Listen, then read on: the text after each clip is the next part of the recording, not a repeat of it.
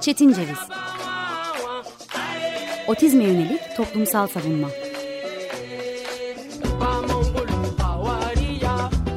Hazırlayan ve sunan Deniz Yazgan. Merhaba, 95.0 Açık Radyo'ya, uzaklardan bağlanmaya, radyoya kavuşmak için son günleri iple çekmeye devam ediyoruz. Ben Deniz Yazgan, bugün 29 Haziran 2022 Çarşamba, engelliliğe ve nöroşeşitliğe yönelik ayrımcı olmayan dünya düşleriyle Çetin Ceviz dinliyorsunuz. Yazın ilk ayını uğurlarken, yapraklar solmadan, narlar olmadan, gün devrilmeden olması beklenenler, tutulması gereken sözler, beklenen haberlerin yarattığı umutsuzluktan ve bu umutsuzluğun kimler tarafından yaratıldığını e, Türkiye'nin sansasyon bahası Twitter üzerinden tartışmayı düşünüyorum bugün. Çünkü ülkenin ve içinde yaşayan insanların edilgen kılına geldiği ve artık bin yıldır sürüyormuş gibi hissettiren bu süreçte umudu ve bir arada olmayı konuşmak çok ama çok zorken faturanın yine yanlış kişilere kesildiğini görüyoruz. Nihayetler mevsimi olan bu yazın getirdiği mutluluğun yolları tıkanıyor ilk önce bu yolculukta. Herkes karnesini, diplomasını sevinçle paylaşır, şölenini, cemiyetini, mutluluğunu yaşarken herkes kadar herkes olamadığı, olmadığı düşünülen nöroçeşitliler, otistikler, süren hastalığa sahip engelliler bu mutluluğu paylaşmak istediğinde aşağılanma ve ayrımcılıkla karşılaşıyor, yalancılıkla suçlanıyor Twitter'da. Bu suçlamanın devamında da yoğunlukla genellikle şu cümle geliyor. İnsanları boş yere umutlandırmayın. Peki kim bu boş yere umutlandırıldığı iddia edilen insanlar? Bunun cevabı basit. Çoğu zaman olduğu gibi engelli insanlara bakımla tırnak içinde cezalandırılmış ebeveynler. Halbuki bir engellinin gerçek mücadelesi ve başarısı değil bir insanı boş yere umutlandıran. Ama programı kısalın ise 3 dakikada kapatmamak için patikadaki uzun yolu tercih edeceğim bugün. Bir bu umutlandırma iddiası var. Bir de engelliliğin, umutsuzluğun ve karanlığın en gerçek hali olduğu savunusu.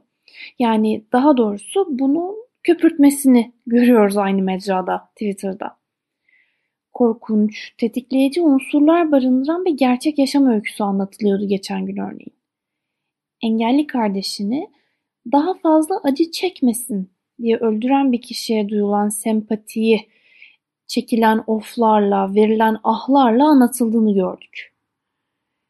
Bir kişinin engelli olduğu için acı çekmesi ve acılarına son verilmesi için öldürülmesi Steinbeck vari bir ürperme yaratmalı insanda.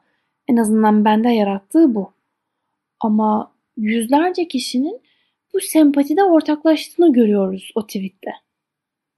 Yani çoğunluğu oluşturan görüş bağıra çağıra söylüyor ki engelli olmak çok üzücü bir şey. Engellilik umutsuzluk. Engelli olduktan, engelli yakını olduktan sonra isteseniz de istemeseniz de bürünmeniz gereken renkler kurşuni. Bunun böyle olmadığını ifade etmekse kocaman titirleri isimlerinin başına almış, alanının uzmanı olduğunu iddia eden ve bu uzmanlıktan dolayı hiç kötü bir şey yapmayacağını savunarak çok alışa geldiğimiz, kadın cinayetlerinden bu yana alışa geldiğimiz safsatayı yeniden doğuran failler içinse hayalperestlik. Bunun böyle olmadığını kanıtlamak gerekiyor belki de. Doğru ve gerçek olan her şeyi kanıtlamamız gereken bir dünyada yaşadığımız düşünülürse bunun böyle olmadığını kanıtlamak gerekiyor. Bu işe umut ne ola ki diye sorarak başlamak en iyisi. Bu programın e, müzmin dinleyicilerinin bildiği üzere ne ola ki sorularına ilk önce verilen yanıt bu Türk Dil Kurumu'ndan geçiyor bu programda. Türk Dil Kurumu'na göre umudun üç anlamı var. Birincisi isim anlamıyla ummaktan doğan duygu ümit. İkincisi yine isim anlamıyla bu duyguyu veren kimse veya şey ümit. Üçüncüsü ve yeniden isim anlamıyla olması beklenilen veya olacağı düşünülen şey ümit. Engelliden, nöroçeşitliden umulanın ne olduğunu tartışarak devam edelim. Bunu önceki programlarda defalarca kez, kim zaman konuklarla, kim zaman kendi kendime konuştuğumu hissediyorum aslında. Ama engelliden dağları delmesi, delemiyorsa da göz yormaması, can sıkmaması için ortalıklarda gözükmemesi bekleniyor. Nöroçeşitli engelli için de benzer bir süreç var aslında. Nöroçeşitli engelli bir şeyi başaracaksa ondan çok çok çok üstün şekilde bunu başarması, bunu başarırken de çok spesifik bir tutumda davranış silsilesinde bulunması bekleniyor. Bunu ben artık çok net bir şekilde söyleyebilirim. Çünkü en yakın örneği bile bir ay önce yaşandı. Ee, geçtiğimiz Mayıs ayında konuşmacı olarak katıldığım bir sempozyumda meslek yaşamını otistik çocuklarla geçiren bir hekim otizmi anlamak için bir film önerisi verdi. Ve bu kişi Dustin Hoffman'ın başrolde olduğu ve 1988 yapımı Rain Man'i otistik bir kişiyi anlatan en iyi film olarak önerdi. Bir başka örnekte ise genelde konuşmazlar, konuşurlarsa da çocuksu konuşurlar. Yaşıtlarıyla yaşıtları gibi iletişime geçmeleri zordur örneğini yaşamında hiç otistik bir insanla karşılaşmamış ve nöroçeşitli çocuklarla, otistik çocuklar dahil olmak üzere nöroçeşitli çocuklarla çalışmak üzere yetiştirilen özel eğitim öğretmenliği bölümü öğrencilerine kolaylıkla verebildi. Şimdi bilimsel bir çeperden geldiği iddia edilen yorumların da otistiğe, nöroçeşitliğe yönelik umutsuzluktan doğduğunu anlayabiliyoruz aslında. Nöroçeşitli çocuğu normalleştirmeye çalışan, zeka geriliğini çocuklukla karıştıran ve tipikleşmeyi kabul etmeyen, kendisi gibi yaşamak isteyen nöroçeşitli çocuğun verdiği bu tepkileri klinik, çocuğun da ta kendisini umutsuz vaka olarak kabul eden bu bakış açısı otistikten ne beklenmesi gerektiği konusunda oldukça karmaşık sinyaller veriyor. Umudun ummaktan geldiğine dair ilk anlamı belki de böylece nihayete erdirebiliriz. Nöroçeşitli çocuktan nörotipik çocukmuş gibi davranmayı ummak. Bu gerçekleşmediğinde bu beklenti hayal kırıklığıyla sonuçlandığında, sonuçlandığında ise umudu kesmekten söz ettik. Şimdi engelliye hissedilenin ümide, umuda teğet geçip geçmediğini tartışmak gerekir. Sokakta, metroda, okulda bir engelliyle karşılaşıldığında hissedilen nedir? Bu hissin sokakta, metroda, okulda bir insanla karşılaşmaktan ayrı bir deneyim olmasının, alelade bir insanla karşılaşmaktan ayrı bir deneyim olmasının nedeni nedir? Engellinin alelade bir insan olamayışı, söz gelimi sokakta, metroda, okulda engellinin yoğun hislerle, tipik olandan yoğun hislerle karşı karşıya kalmasının sebebi engellinin kendisi olması mı? Engelliye acımak, engelliye merhamet etmek, engelliden tiksinmek. Engellinin kendisi oluşu, varlığını ortaya koyuşundan dolayı hissedilen duygular mı? Bence değil. Hatta değil. Bilimsel olduğu iddia edilen görüşler, sosyal yaşamın bilimselliğe sığınmadan, sığınma gereği duymadan ortaya koyduğu sert sağlamcılık, engelliğin ne hale gelmesine sebep oluyor diye sorulması gerektiğinde yanıt tek. Engellinin tecrit edilmesini bir zorunluluk haline getiriyor bunların hepsi. Çünkü aslında akılda tek şey var ve bunu süsleme gereği, bunu safsatalarla bir şekilde dışa vurma gereği duyuyor bazı insanlar. Ama düşünce tek. Benim olduğum yerde olmasın. Sağlam bir ben olarak benim olduğum yerde olmasın. Ben görmek istemiyorum. Engellinin vahşi bir varlık olduğu, yani olunan yerde olununca tedirgin hissedile, hissedile gelmesi, engellinin vahşi bir varlık olarak anlatıldığı, canavar olduğu ve insan gibi olamayacağına ilişkin bakış açısının bir göstergesi aslında. Çünkü dünyada izi sürülebilen en yaşlı otistik olduğu düşünülen vahşi çocuk Victor anlatımında, sanat dünyasında gördüğümüz, dizilerde, filmlerde, animasyonlarda gördüğümüz canavarların genetik farklılık sahibi engellerin vücut yapılarının egzajere edilmiş hali olarak portre edilişinde yüzyıllardır görebildiğimiz şeyler aslında bunlar. Engelliden umulanla engelliye hissedilen döngüsel ve zehirli bir ilişki içerisinde sıkışmış durumda. Engelli zeka geriliğine sahipse bir yumurcak çocuk, değilse bir ucube olarak davranması umulan insanaltı bir varlık çoğunluğun nazarında. Acıyı da kendisi olduğu için çektiğine inanmak, yani engellinin bu durdurulması gereken acısının ve insani olmayan koşullarda durdurulması zorunda olan acıların da engellinin kendisinden kaynaklandığına inanmak da herkes için daha kolay.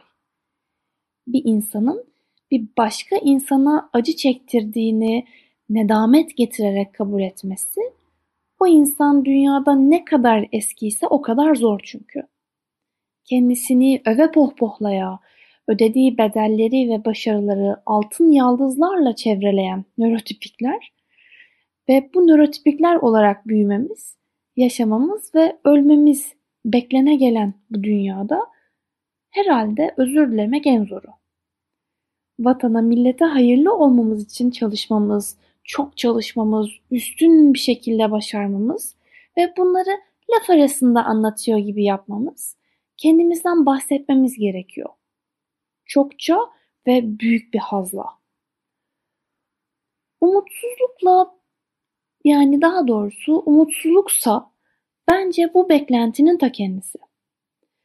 Bir insana büyük ve önde olmayı bir gereklilik olarak satan, insanlara üstten bakmayı, ezmeyi öğütleyen, insan harici hayvanların ise insanlara bir şeyler hissettirsin, tatmin etsin, sevgi duydursun, herhangi bir şekilde bir şey hissettirsin diye işte var olduğuna inanan ve satın almayı yücelttikçe yücelten bu sistem umuda dair hiçbir şeyi içinde barındıramazken bu sisteme rağmen kendi gibi var olmayı sürdüren insanlardan karanlıklarla bahsetmek çok büyük bir ikiyüzlülük bence.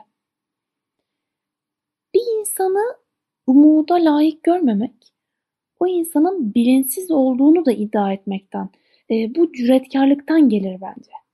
Bilincin katı bir şey olduğuna dair bu inanç, insana özgü olan bilinci, insanın biricikliğine özgü olan daha doğrusu bilinci dahi kalıplaştırmaya yönelik bu tutturma o kalıbın dışında kalanı ilk önce tutsak eder, sonra özgür olmamakla suçlar. Annesine, babasına bağlı yaşamak zorunda olduğu iddia edilen kişiler, engelli kişiler, coğrafyası tarafından terk edilmiş, umutla ilişi coğrafyası tarafından kesilmiş kişilerdir aslında. Coğrafya bu anlamda da umudun kaderidir. Daha doğrusu cümleyi yanlış kurdum. Coğrafya bence bu anlamda umudun da kaderidir. Çünkü özel olan politiktir ve kamuya dair her şey özel olanın iyi bir emsal teşkil etmesinden korkar. En azından yaşadığımız günlerde ve bu bin yıldır sürdüğünü hissettiğimiz günlerde bu cümleyi kurmak daha kolay ve daha doğru. Çünkü kamusal alan bu aşamada umudun yeşermesinden korkar. Çocuğunuzu normalleştirmek için elimizden geleni yapacağız. Çok çocuğun teşhisini kaldırdık. Onursuzca bir umut ticaretiyken kötü giden her şeye rağmen kendisi gibi var olan bir otistikle sevinmek, o otistiğin varlığıyla sevinmek onursuz kabul edilir. Hemen parmak sallayıcılar ortaya çıkar. Aslında bu parmak sallama hareketinin kendisi onursuzcadır. Aristoteles'e göre umut uyanan insanın rüyası. Otistiğin, nöroçeşitliliğin yaşamının özgürlüğüne umut duyması için sağlamcı algının ortadan kalkması bir umut. Ancak makul düzenlemeleri yapmakla yükümlü olan yetkililer, siyasanın içindekiler yani siyasiler veya herhangi bir görevle donatılmış kişiler. Bu kimi zaman bir velidir, kimi zaman bir akademisyendir, kimi zaman bir yöneticidir, kimi zamansa e, devlet erkan bağlamında bir yöneticidir. Ama bu yetkililer insanların bu işe uyanmamasını tercih eder çoğu zaman. Çocuğunu engelliyle görüştürmemeyi, aynı sınıfa koymamayı tercih ettikten sonra belki de kendi sınıfında görmeyi de tercih etmez. Belki zamanı gelir sokakta görmeyi tercih etmez. Ama genellikle yapması gerekeni yapmamayı tercih eder.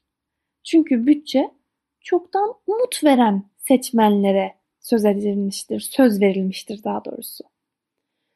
Umut, kişiye özgüyken kişinin kendisine dair hayallerinin birikintisinden oluşmalıyken, nörotipik umutsuzluk, nöroçeşitliliğin umuduna mütecaviz bir tavırla yaklaşır.